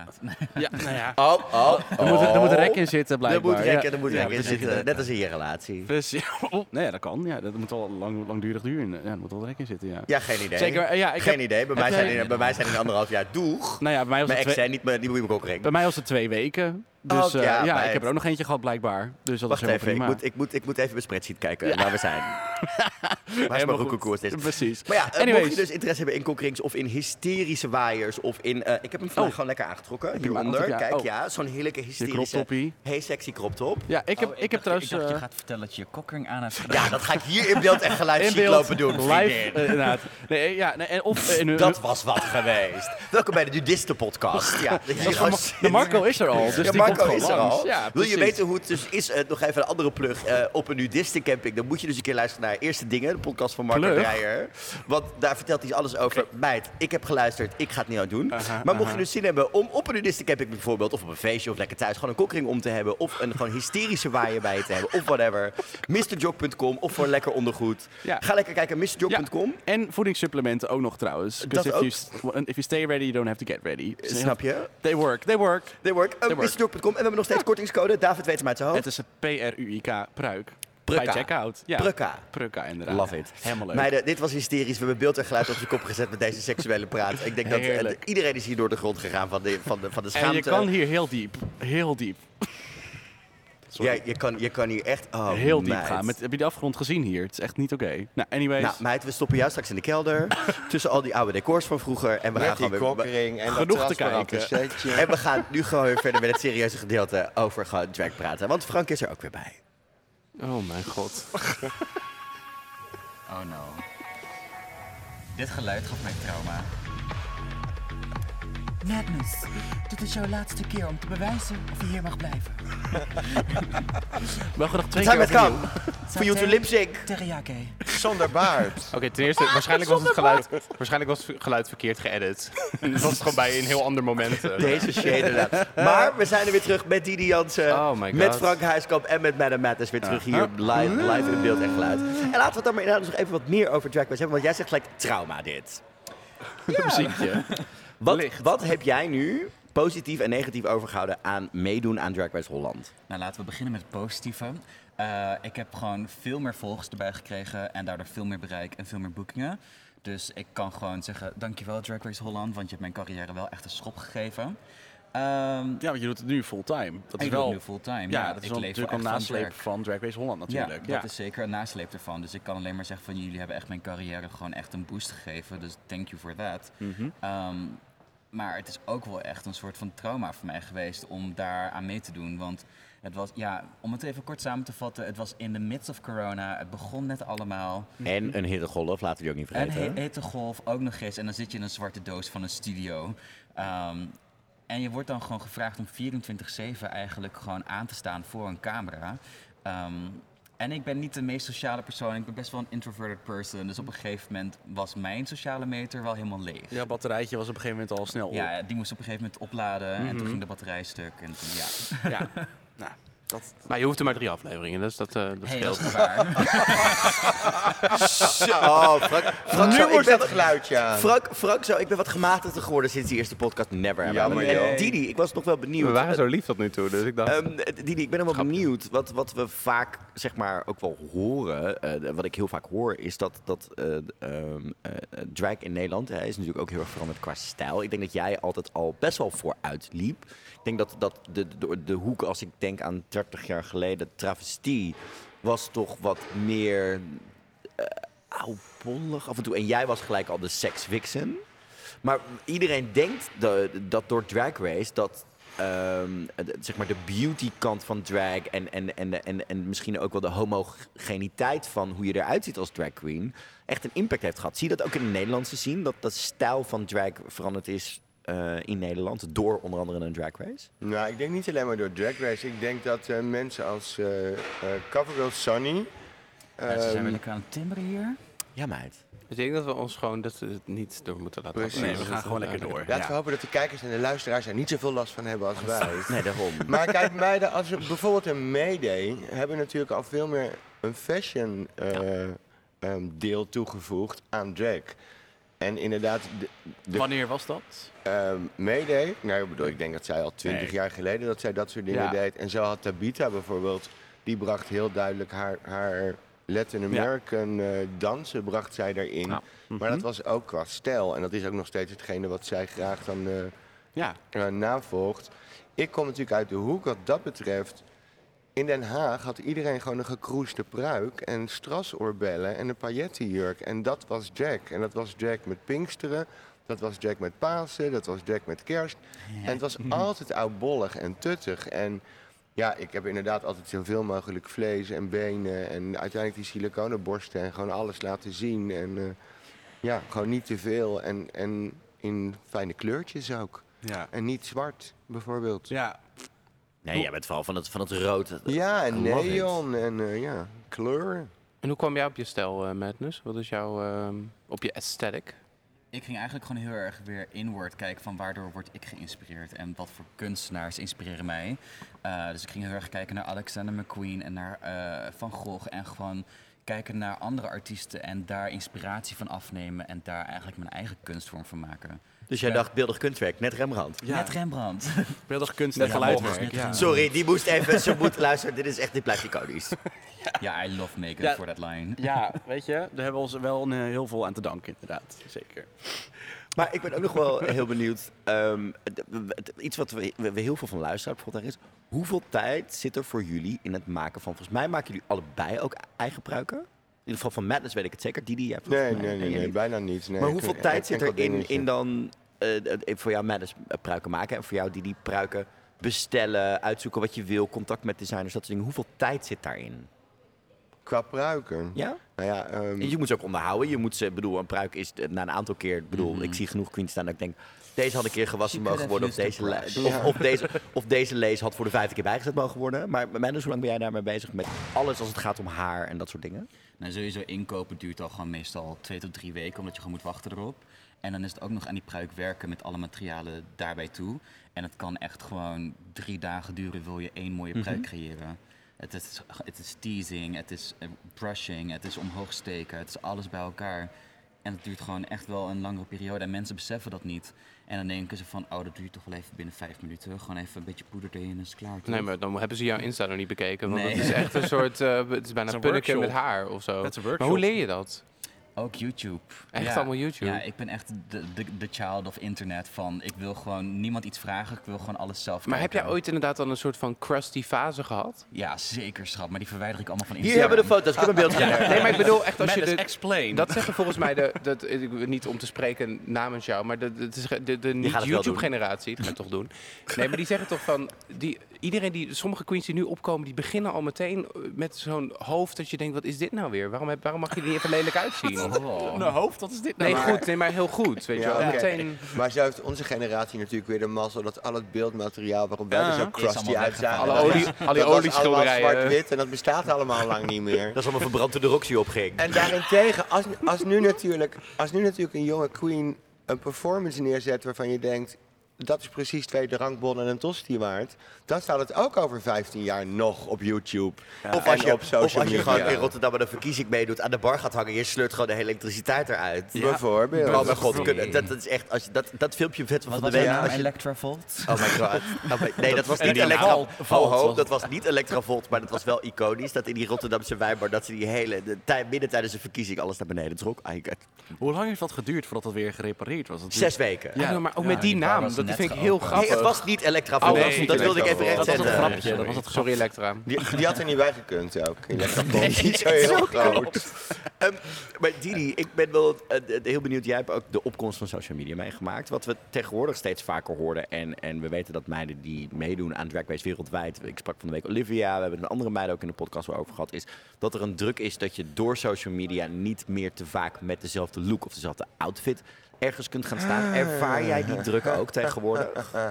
Ja, jullie zijn allemaal nog nooit bij mij thuis geweest. Ja, die druk is But echt enorm. De struggle is fucking real.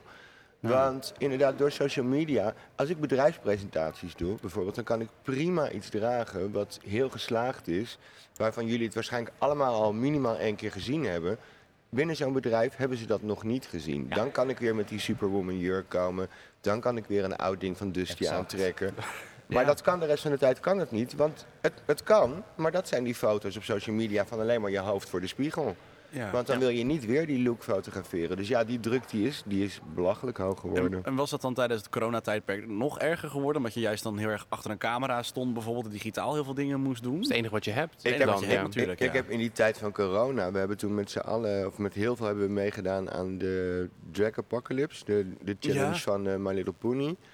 Daar was juist het mooie, dat je gewoon, op zich hoeft hij helemaal niks aan. Ik bedoel, als jij gewoon die angle zo deed, dat gewoon Nee, je gaat gewoon in je joggingbroek mee- en je panten sloffen. Oh ja hoor, Ja. de De RuPaul in je onderbroek gewoon, dat maakt er niet uit. met die webcam sessie. Natuurlijk RuPaul, niet, ja, precies. helemaal niet. Misschien zelfs geen slipje. Alleen voor die ene foto. Ja. Maar Maar een ik- slipje, hoezo? Ik bedoel, Als jij een van dat lang dingen know. aan had, dan hoeft het gewoon. Je hoeft er Ja, niet eens een onderbroek aan. Ik heb twee jaar geen onderbroek aan gehad Oh. tijdens Maar, corona. maar, maar, Frank je, draagt nog steeds geen onderbroek in deze tuinbroek. Ik ook niet. Nee. in mijn lesbian realness. helemaal geen stringetje aan. Je, maar je zegt, ik, je voelt die druk, maar krijg, die voel je natuurlijk omdat er op een gegeven moment mensen iets dan over zeggen. Of is dat Ja, meer ja. een soort gevoel, dat- niet iets wat je te horen krijgt van mensen? Nee, je krijgt wel echt in je Ja? face af en toe van mensen die dan inderdaad van... Oh man, dus heb je weer die rode outfit aan. Oh, die dan in een bar ergens. Maar dat zijn Ja. dan toch gewoon de, de, de mensen die echt naar 40 dragshows per week ja, gaan ja, of ja, zo, precies. toch? Maar ook, het zijn ook meestal de hyperfans van drag of van Drag Mhm. Race... die dan inderdaad gewoon denken van... I am Michelle Visage, I can say whatever I want.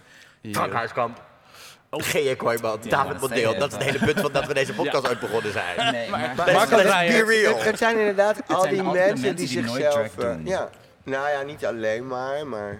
Ja. ook wel een paar drag queens, maar meestal wel de mensen die geen drag doen. Nee, maar dat, dat vind ik wel een interessant ding. Hoe want- vind je dat? Maar dat, zijn wij de hier... observers uiteindelijk. Hoe vind jij dat Ook dan? Dat wij. wij hier met z'n drieën een podcast hebben Ja. en het elke keer... Het, wij zijn dat. Wij zijn... Let's be real. Ja. Hoe vinden jullie dat, dat wij daar Ja. elke keer staan? En ik bedoel, wij weten het ook. Frank en ik staan ook vorige week naast elkaar. Zien we ook baby queens. Ehm, of, of in bars en dingen. Dan staan we ook wel eens tegen elkaar. Nou, vriendin, Maar- dit. Terwijl wij staan niet op een hak. Wij staan in een corset. Hoe vinden jullie dat? Maar dat is wel altijd de disclaimer ook, hè? Laten we wel ja, weten. maar hoe vinden jullie dat, Didi en Madness? Dat, dat wij dus, eh, de, de hele queer scene heeft een mening over je. Over je look, over je performance, over je ding. Nou, ik denk dat er bij jullie een redelijke balans zit. En daar waar de balans een beetje doorslaat naar de negatieve kant, zijn jullie gelukkig heel grappig. Dus dat maakt ook nog een boel goed. Oh. Maar jullie hebben natuurlijk een aardige, een aardige weegschaal in dat jullie waardering ook hoog ligt. Ja. En dat er ook heel veel dingen zijn die jullie wel zien en wel waarderen. Waar jullie wel er, er- erkenning voor vragen zelfs. bij een heel wat een herrie. En dan bij, moet de deur dicht. Bij een heel, bij een heel breed publiek. dus daarmee kun je natuurlijk ook wel links en rechts wat shade of wat uh, scherpe opmerkingen veroorloven. Niet altijd, want inderdaad, ga het maar eens even doen. Ja, maar wat, dus, ja. wat het is niet eens, ga het maar even een avond doen. Nee, ga maar gewoon een kwartaal of een half jaar lang dingen van tevoren plannen. Er komt een milkshake. Wat ga je dan dragen? Maar in de tussentijd heb je ook nog andere dingen te doen. Wat ga je daar dragen? Je kan pruiken over die pruiken. Je hebt pruiken besteld bij Flashwigs. Maar je moet ook volgende week iets op voor die bedrijfspresentatie. Ga die hele organisatie en die hele planning en al die shit bij elkaar krijgen. Ga niet één avond drag doen, doe het een kwartaal van een half jaar. Ja, hoe ik het eigenlijk zie is dat dragartiesten worden eigenlijk gezien als normale artiesten. Dus een normale artiest die heeft een designer. Een normale artiest die heeft een pruikartiest. Een normale artiest die heeft gewoon al een heel creatief team om gewoon bij één persoon te kunnen werken. En drag queens zijn meestal gewoon heel dat team bij elkaar. Nee, maar buiten dat, sorry dat, je, dat ik je weer in de reden val. Kijk, buiten dat, ook al heeft een, een gewone, zoals je het dan noemt, artiest niet een heel team eromheen. Weet je, een zangeres heeft één jurk nodig. Ja. Die heeft niet de hele undergarment en shit erbij nodig. En die moet zorgen... Die hoeft niet elke week iets anders oh, aan welke te doen. borsten ga ik nu doen? En dat haarstuk en 35 wimpers. En Mhm. het, het is gewoon heel anders. En ik heb dus, ik wilde hier nog even inhaken, want ik heb dus de vraag. We hebben het net gehad over, krijg je genoeg waardering als het gaat om de mensen die je boeken, om de mensen die dingen organiseren. Maar waarderen wij, nemen wij drag queens en drag performers, want eh, laten we dat constant blijven zeggen, drag is voor elke gender, is veel breder dan alleen maar drag queens. Nemen wij als queer community drag queen, drag performers niet veel veel voor lief tegenwoordig? Ja, ik denk En zin, we zijn deel gewend dat het er elke keer in de bar staat, dat het op een, een grote festival staat, dat het erbij is als je een groot feestje of een ding Ja. geeft. En verwend. Gewend Verwend? en verwend. Sam, Want is je dat hebt niet zo? zoveel seizoenen, zoveel... Het is overal. Ja. Nee, ik merk zelf bijvoorbeeld ook wel eens dat als ik dan niet in drag ergens op kom dagen, dat mensen dan ook echt een beetje verward zijn. Omdat ze dan eigenlijk verwachten dat je dan wel bij de booking in drag aanwezig zijn. Oh. Ja, Of ben je uitgenodigd wordt als omdat je... Omdat eh, je een drag ook, bent. Nee, maar ja. Dat kan me wel voorstellen. Wat vind jij, Didi? Zijn we het, zijn we het, nemen wij in Nederland eh, drag te veel voor lief als queer community? Het is natuurlijk Dat een beetje is. zoals wat Dolly Parton over zichzelf zei. It takes a lot of money to look this cheap. En het is, de, de allergrootste valkuil is dat wij doen alsof het allemaal heel makkelijk is. Ja. Ja. En dat je heel makkelijk functioneert met die nagels en met die dit en met die dat. Dat je die nagels bij Lily Nails hebt moeten bestellen en je pruik bij Flashwigs. En dat jij maar moet zorgen dat al die shit bij elkaar past. Ook al past het niet of het zit niet helemaal goed. In een koffer die je mee moet Wij sleuren hebben overal gewoon gezorgd dat het ja. er heel makkelijk uitziet. Maar zo makkelijk is het niet.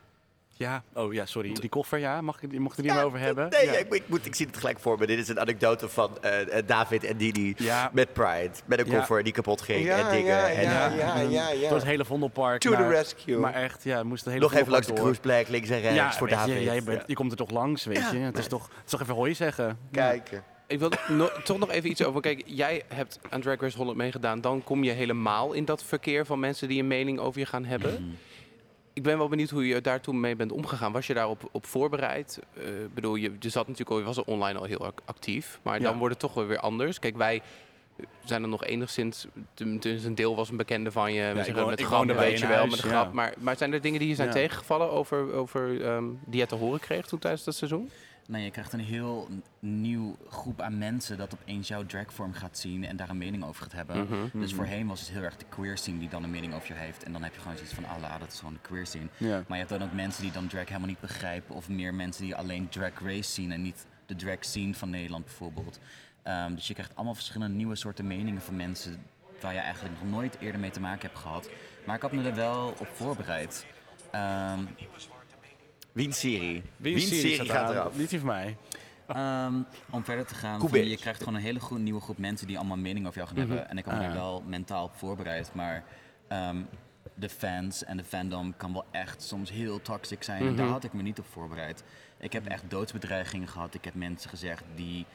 Ja, maar gewoon echt, echt gewoon... Maar voor iets specifieks wat je toen had gedaan? Of, eh, eh, Bijvoorbeeld iemand naar huis te sturen. En dan mag ik Oh, om die reden mag ja. ik dan doodgaan, weet je wel. Terwijl Ehm, Fred maakt die beslissing, niet jij. ja, dat ook nog eens. Van, Ja. weet je, ik heb, niet, ik heb niet zo heel veel gezegd dat een- beetje naar dat voor andere meiden. Nee, ja, jij, jij was in die bottom two en jij moest, jij moest vechten voor je leven. Ja, nou, precies. Jij moest, ja, Die dat, moest het rock in Nederland zetten. precies. Ja. En dat heb je Maar is dat, is dat voor jou, die, die dan, is dat dan jou, voor jou een reden om bijvoorbeeld niet mee te hebben gedaan of niet mee te doen? Of je, er- want jij eh, keek, je was er niet echt heel erg eh, happig op om daar nog aan mee te gaan doen, toch? Me helemaal, helemaal niet. Helemaal zelfs, niet. nee. Ja. Is dat dit een van de redenen? Ja. Ehm, een aantal dingen. Maar inderdaad, de editing, dus dat zij uiteindelijk bepalen wie goed en wie niet goed is. Of je nou wint of niet. Mhm. Dat vind ik echt afschuwelijk aan het programma. Maar dat is tv maken, heel simpel. Ja. Uh, daar wil ik me niet aan overgeven. Daarvoor heb ik wel eens als Dennis aan een tv-programma meegedaan waar ik na twee afleveringen uit ben gestapt. Omdat ik me inderdaad dan niet kan vinden in de manier waarop dingen geëdit worden. En daarnaast, ik bedoel, vlak alsjeblieft niet uit. Kijk, ik kan prima kan ik een outfit maken in een halve dag. Maar ik kan niet op commando zingen, dansen, acteren, rappen. Ik bedoel, ik heb bijna al die dingen gedaan, maar wel in mijn eigen tempo. En soms wel met maanden repeteren. Mm. Ja. En niet de anderhalve dag. Ik ga mezelf niet voor joker zetten voor heel Nederland en België. En de hele Drag Race fandom. Nee, bedankt. Ja, we hebben het over soms ook de negatieve kant van drag, maar drag is natuurlijk, hè, hashtag drag is fun. Dat is dat, dat- dat- dat- dat-. Ik blijf het zeggen, andere meiden kunnen het jatten, andere meiden kunnen het gebruiken, maar het is bij Didi begonnen. Ja. Maar het is ook uiteindelijk, en zo is het begonnen, en dat begon dan toch echt bij een Petty Lavedetti. Ja. Ik ontmoette haar bij een of andere verkiezing. Zij nodigde me bij haar thuis uit voor een kopje thee. Toen hadden we natuurlijk alleen nog maar een gewone telefoon. Dus het was bellen, Ja. afspreken en dan was je er. En Het toen is kwam- nog via een telefooncel. En toen kwam ik daar, en toen kwam ik, nee, ik woonde bij mijn ouders, dus we hadden gewoon een vaste lijn. En toen kwam ik daar binnen en toen was het één ontplofte bol van pailletten en stras en boa's. En bobpruikjes. En ik dacht, Ja, ja, nog korter zelfs. En, ik, en, en, en ik dacht, nee, het waren Revlon-pruiken, helemaal geen bobpruikjes. Die Oh, vrouw had Revlon, altijd oké. wel, ja, ja, ja, ja. De Raquel Welch Collection. en uiteindelijk, Raquel Welch is dus een Oké, even terug. En uiteindelijk, uiteindelijk was dat gewoon meteen al een plezier. En dat is nog gewoon bijgebleven. Dus toen we eenmaal in, de, in, de hashtag, in, het- in het hashtag-tijdperk kwamen, Ja. was het eigenlijk vrij simpel. Ja, drag is fun. Wat is, wat is dan voor jullie, als je eh, kijkt naar het, het- dit jaar, 2022, voor jullie het leukste moment in drag geweest? Dat je zelf het meest genoten hebt? Toch wel weer op milkshake kunnen Ja? staan na twee jaar lang corona. In beeldige pastel, t- transkleuren, Zo, haar. Er zat, er zat een, een, een dingetje in die pruik. Meid, dat was beeldig. Ja, ik had een heel kunstwerk gemaakt. Twee, Beeldig kunstwerk. Twee hele looks. Een, een mooi Net kunstwerk, net madness. Rembrandt. Ehm, en ik keek er zo erg naar uit om na die twee jaar ellende van corona dan eindelijk weer op het festivalterrein te kunnen staan en gewoon in een queer safe space te kunnen zijn waar ik gewoon echt mezelf kan zijn. Ja, dat was voor mij wel het mooiste moment. Ja, en, en, wanneer heb jij het meeste lol gehad? Ik heb, eh, ik heb dit jaar echt heel veel aan, aan educatie gedaan. Dat is omdat eh, heel veel bedrijven op dit moment heel duidelijk bezig zijn met de hele awareness van eh, rondom inclusief zijn. Ik denk het mooiste wat ik gedaan heb is onlangs geweest voor een heel team van executives van Lego. Eén Nederlander en de rest was allemaal eh, eh, ingevlogen, ingebracht, echt van over de hele wereld. En dat ging over identiteit en over mijn leven als queer persoon, als, als, jo- als jong meisje die een jong jongetje was en drag is gaan doen. En dat was, dat was echt prachtig. Dat was, ik, ik denk dat het een van de mooiste ervaringen was. Het was heel klein. Het waren 25 mensen in een conference room eh, in een mooi hotel in Amsterdam. Ik denk Mooi. dat ik dat het mooiste vond, ja. En Pride at the Park natuurlijk met Ja, was- jullie was ook jongens. ja, ja, ja, ja. En ik ben dan even heel benieuwd. Wij gaan er altijd heel goed op. Er zijn een aantal iconische Nederlandse eh, eh, eh, drag blunders. Natuurlijk, hè, die we kennen. We, weten, we kennen natuurlijk, ik ga hem gewoon noemen, de beste ooit. Paolo die bij de keer weer parade. Die gewoon aan het foken was met de benen en van een podium afrolde. we hebben, we hebben het net al gehad over die iconische queen die die hele bar naar beneden trok.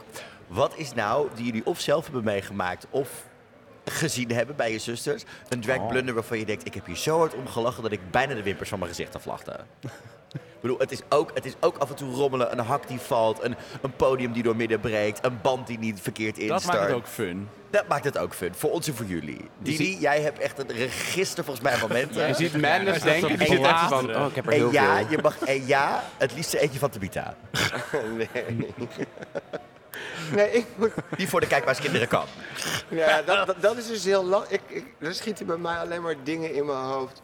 Kijk, tijdens de hele lockdown hebben we natuurlijk meegemaakt. Ik ga geen namen noemen, maar als, als, ik, als ik het even heb over de niet-fysieke voorbeelden, maar je hebt het over de voorbeelden van mensen die op social media met een drankje of wat anders op zich vreselijk uitlaten over het een of ander.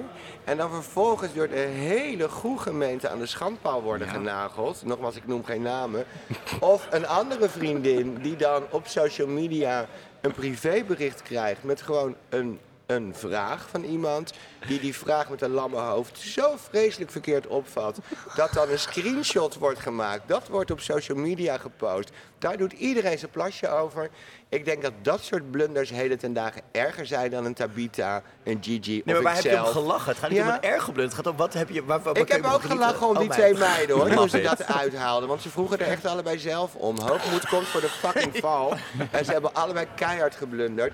Maar als je dan grappige dingen wil hebben, ja, Tabita, Gigi of ikzelf, die dan na een hele avond en een drankje en een dingetje. Oh meid, je moet nu op. En dat je dan die kleedkamer uitholt en dat je halverwege denkt, meid, ik heb geen pruik op. Dat je dan weer terug moet. Tijdens je performance. Ja, het kan allemaal. Net voordat je op moet, denk je... Ah, oh. Ik ben kaal. ja, dat heb jij een goede blunder meegemaakt of, of die er memorabel blijft? Je hebt in ieder geval de tijd gehad om er nu over na te denken. Ja, ja, ja. Nee, ik had laatst was ik op een festival geboekt uh, samen met Luna. En toen uh, waren ik en Luna lekker aan het dansen, maar midden in die stage zat op een gegeven moment geen podium. Oh, en een façade, het gewoon een gat inderdaad. Oh. Dus ik en Luna gewoon lekker aan het dansen, gewoon lekker nee. showpony zijn op stage. Oh. En ik zie Luna op een gegeven moment echt de grond inzakken. en ze viel gewoon helemaal naar beneden in die stage. En ik dacht, maar het is wel een beetje grappig. Dat is best wel grappig. Is er beeldmateriaal Staat het op video? Ik weet het niet. Even kijken bij uh, Smeerboel. oh, oké, we gaan, we gaan, alles. we gaan graag. Alles staat op video. Meiden, we hebben nog een kwartier. Frank, David, hebben jullie nou nog vragen aan uh, voor deze twee aan drag elkaar. icons? Nee, ja, dat, nou, dat, trust me, we hebben een appgroep. Er wordt genoeg, oh. er wordt, oh daar hebben we genoeg ruimte voor. Nou ja. Zijn er nog dingen die jullie willen weten? Nou, ik ben dus wel benieuwd. Of is het, uh, is het type gig heel erg veranderd waarvoor je nu wordt geboekt? Je hebt, heb je veel meer, je zegt veel meer commerciële bedrijven die opeens uh, denken van, oh, dat is wel leuk, drag. Ik zie het ook zelf heel veel, ook in reclames, in, uh, mm. weet ik veel, heel veel drag queens uh, worden geboekt. Is dat iets wat je merkt? Vanuit de commerciële kant? Ja, zoiets als van Lego, zoals je net noemt bijvoorbeeld. Ja, dat vind ik best wel interessant. Um, Nee, we weten waar we wel gesponsord zijn. Maar zoals Lego bijvoorbeeld, die doet meer een inclusiviteits- en diversiteitstraject, zeg maar, wat ze bijvoorbeeld intern hebben. Komt dat vaker voor? Zie je dat heel veel bij meer bedrijven naar boven komen? Of is dat iets wat echt heel uniek is eigenlijk nog wel? Ik denk dat het een beetje tweeledig is. Van de ene kant zijn er mhm. heel veel bedrijven die daar op een, echt een hele goede manier uh, mee bezig zijn. Dus mhm. intern zowel als het naar buiten brengen. En ik denk dat de Lego Pride Pack die ze me hebben toegestuurd. Oh, dat die Lego Pride Pack natuurlijk gewoon een heel mooi voorbeeld is. Dan heb je daar nog de kant aan, de hele pinkwashing. Wat doen mensen dan daadwerkelijk met die opbrengsten? Moeten ze daar iets mee doen? Of is het feit dat zij hun nek uitsteken en een regenboogvlag in een etalage hangen, zoals een Primark? Dus in principe is het al, is het al genoeg. Maar de hele pinkwashing is ook wel een heel groot ding. Um, dus dan is het mooi dat het intern, zowel als naar buiten toe, uh, dat er awareness wordt gecreëerd. De andere kant is wel, en dat is ook een deel van, van waar ik mijn geld nu mee verdien ik word ergens geboekt en het thema kom je uiteindelijk achter. En dat is ook mijn vraag nu geworden aan een klant. Als zij het dus hebben over regenboog en bla bla bla bla bla, dan vraag ik ook: is Pride een thema of is het een goal? Ja. ja en ja. heden ten dagen is het dus ook heel normaal geworden om iets wat op ons inclusief overkomt, wat alleen maar gewoon een thema heeft. Soms is er niet één iemand die in ieder geval uit de kast is. Mhm. En jij bent eigenlijk de enige malle homo die het hele thema moet dragen. Want zij vinden het leuk omdat je ook bij de Solo of bij de Big Bazaar heb je buiten alle thema's, heb je nu ook een gangpad met regenboogspullen. Dus nou, dan doen we een leuke regenboogfeestje. Ja, en dat wordt een beetje een, uh, een dunne lijn, denk ik. Gay als, uh, queer als gimmick in plaats van... Ja, uh, ja, ja, ja. Ja als kostuum. Ja, als kostuum tijdelijk. Precies, en daar vraag je dan dus een drag bij. Want ja, dan hebben we het feestje compleet. Dat vindt iedereen leuk. Ja. Nee, ik merkte gewoon heel erg dat de commerciële kant na Drag Race voor mij echt een hele grote boost kreeg. Want dan heb je net het programma gehad en dan ben je dus in de eye of de social media. Um, dus dan zijn er ook heel veel bedrijven die opeens met jou willen samenwerken. Omdat jij die engagement hebt en je hebt die reach. Dus bijvoorbeeld, dan gaan heel veel make-up bedrijven gaan dan jouw dingen toesturen. Of allemaal andere bedrijven gaan jou vragen om een story te maken en een product te promoten.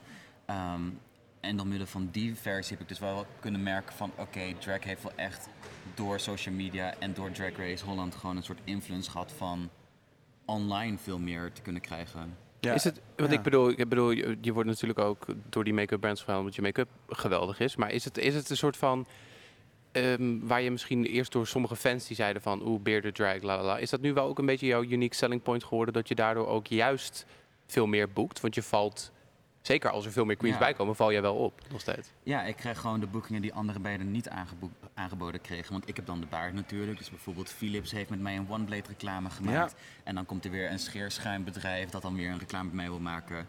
Eh, maar ook bijvoorbeeld... Allemaal hints dat je het moet afscheren, blijkbaar. Maar ehm, dat is Of trimmen. Gewoon trimmen. Je kan Oh, gewoon trimmen, trimmen. dat is waar. Je kunt trimmen, gewoon, grooming. Grooming, sorry. Ja. Ehm, maar ook bijvoorbeeld gemeente Utrecht die mij dan ook benadert om te zeggen van... hey, wil je praten over genderidentiteit en over diversiteit en dat buiten het zwart-witte boekje om weer? Ja, I love mooi. it. Mooi. Eh, meiden, we hebben nog 10 minuten, dus ik ben wel even heel benieuwd. Wie is voor jullie op dit moment... eh, want eh, Drag Race Holland seizoen 3, we hoorden het laatst op een story van Fred. Dit jaar in ieder geval niet. Oh, Het- bijna dat, voorbij, dat, dus ja. dat zei hij op zijn story. Meid, ik ben druk. Die meid gaat het theater weer in, die gaat dingen doen. Dus dat komt er niet zo snel aan. Dus we moeten op andere manieren, ook voor onze luisteraars uit het land, die het alleen maar via social media volgen en niet altijd eh, in de buurt drag optredens hebben vast of niet de kans zien om naar bijvoorbeeld naar Rotterdam en dat soort dingen, of Den Haag of naar Amsterdam of Utrecht te komen om drag optredens te zien. Wie is nou echt zo'n zo'n zo'n up-and-coming dragster voor jullie? Dat je denkt, die, die moeten we in de gaten gaan houden, want die gaat echt nog wel echt, dat is er eentje waarvan je, waar je een boeking mee hebt gedaan dit jaar of een dingetje, je denkt, oh, die meid? Ik zie Die, die kijkt die van, ik volg helemaal die, mensen meer. Ja, die is gestopt met mensen volgen naar 1980. Die denkt echt, ik heb geen idee Volgen, meer. ik, ik laat mensen volgen mij alleen maar. die, Nou die, ja. die, nee, die, die onthoud je pas als je het die keer gezien heeft. Oh ja. ik vind ja. dat je sowieso heel veel drag nog hebt die sowieso op Drag Race Holland nog moeten komen voor mij. Ik Nee, zou- maar het gaat niet om Drag Race Holland. Het gaat echt om, om, om zeg maar dat je denkt, Gewoon dat wordt echt... In de bar. Een ruwe diamant. In de ba- uh, that's gonna be... dat is een meid die echt nu lekker bezig is. En love her. Nou, dan zou ik als eerste zeggen Yves Fatal. Zij Aha. is echt zo'n heerlijke meid. Die Zit ze in je ja, huis? ja, ja. Ze ja, zit in mijn hem. huis. Daarom. Oh, eens. gotta plug, gotta plug. 1. WC 1. Gotta plug it. Maar ehm, die meid die is nu zo lekker bezig met burlesque en met outfits maken en pruiken maken. En gewoon een hele performance in elkaar zitten. On their own. Ehm, en ze doet het beter dan ik. Dus ehm I'm rooting for. Work. Hij kan het Oh, die cowboy look was echt fantastisch van gisteravond. Ja, I love Ja. Ja, was dat die blauwe? ja, die Ja. blauwe. Ah. Die helemaal gerhinestoned is Als van je het top over tot teen. dedication hebt. Ja. Ik heb daarbij gezeten dat zij gewoon haar vriendinnen in laat vliegen. Een hele sweatshop in mijn living room gewoon gemaakt. Ja, echt zodat goed. gewoon Echt, al die blauwe echt, rhinestones op briljant. outfit komt. Eh, en dat is ook de manier van drag waar ik van hou. Dat inderdaad gewoon je halve woonkamer, die, die staat gewoon twee maanden in het teken van die, Ondersteboven. van die chaps of die look die je wil. Eh, ik vind het heel moeilijk om, om, om upcoming queens te noemen. Ehm, A, inderdaad, omdat ik gewoon niet heel veel in Amsterdam sta.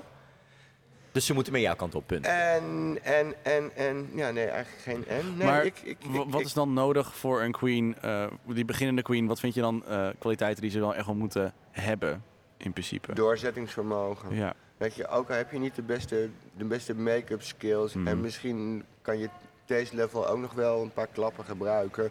Maar gewoon de toewijding en het doorzettingsvermogen om het echt te willen.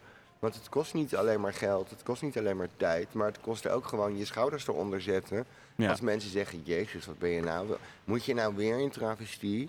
Ja, want dat vind ik leuk. En uiteindelijk worden die mensen goed.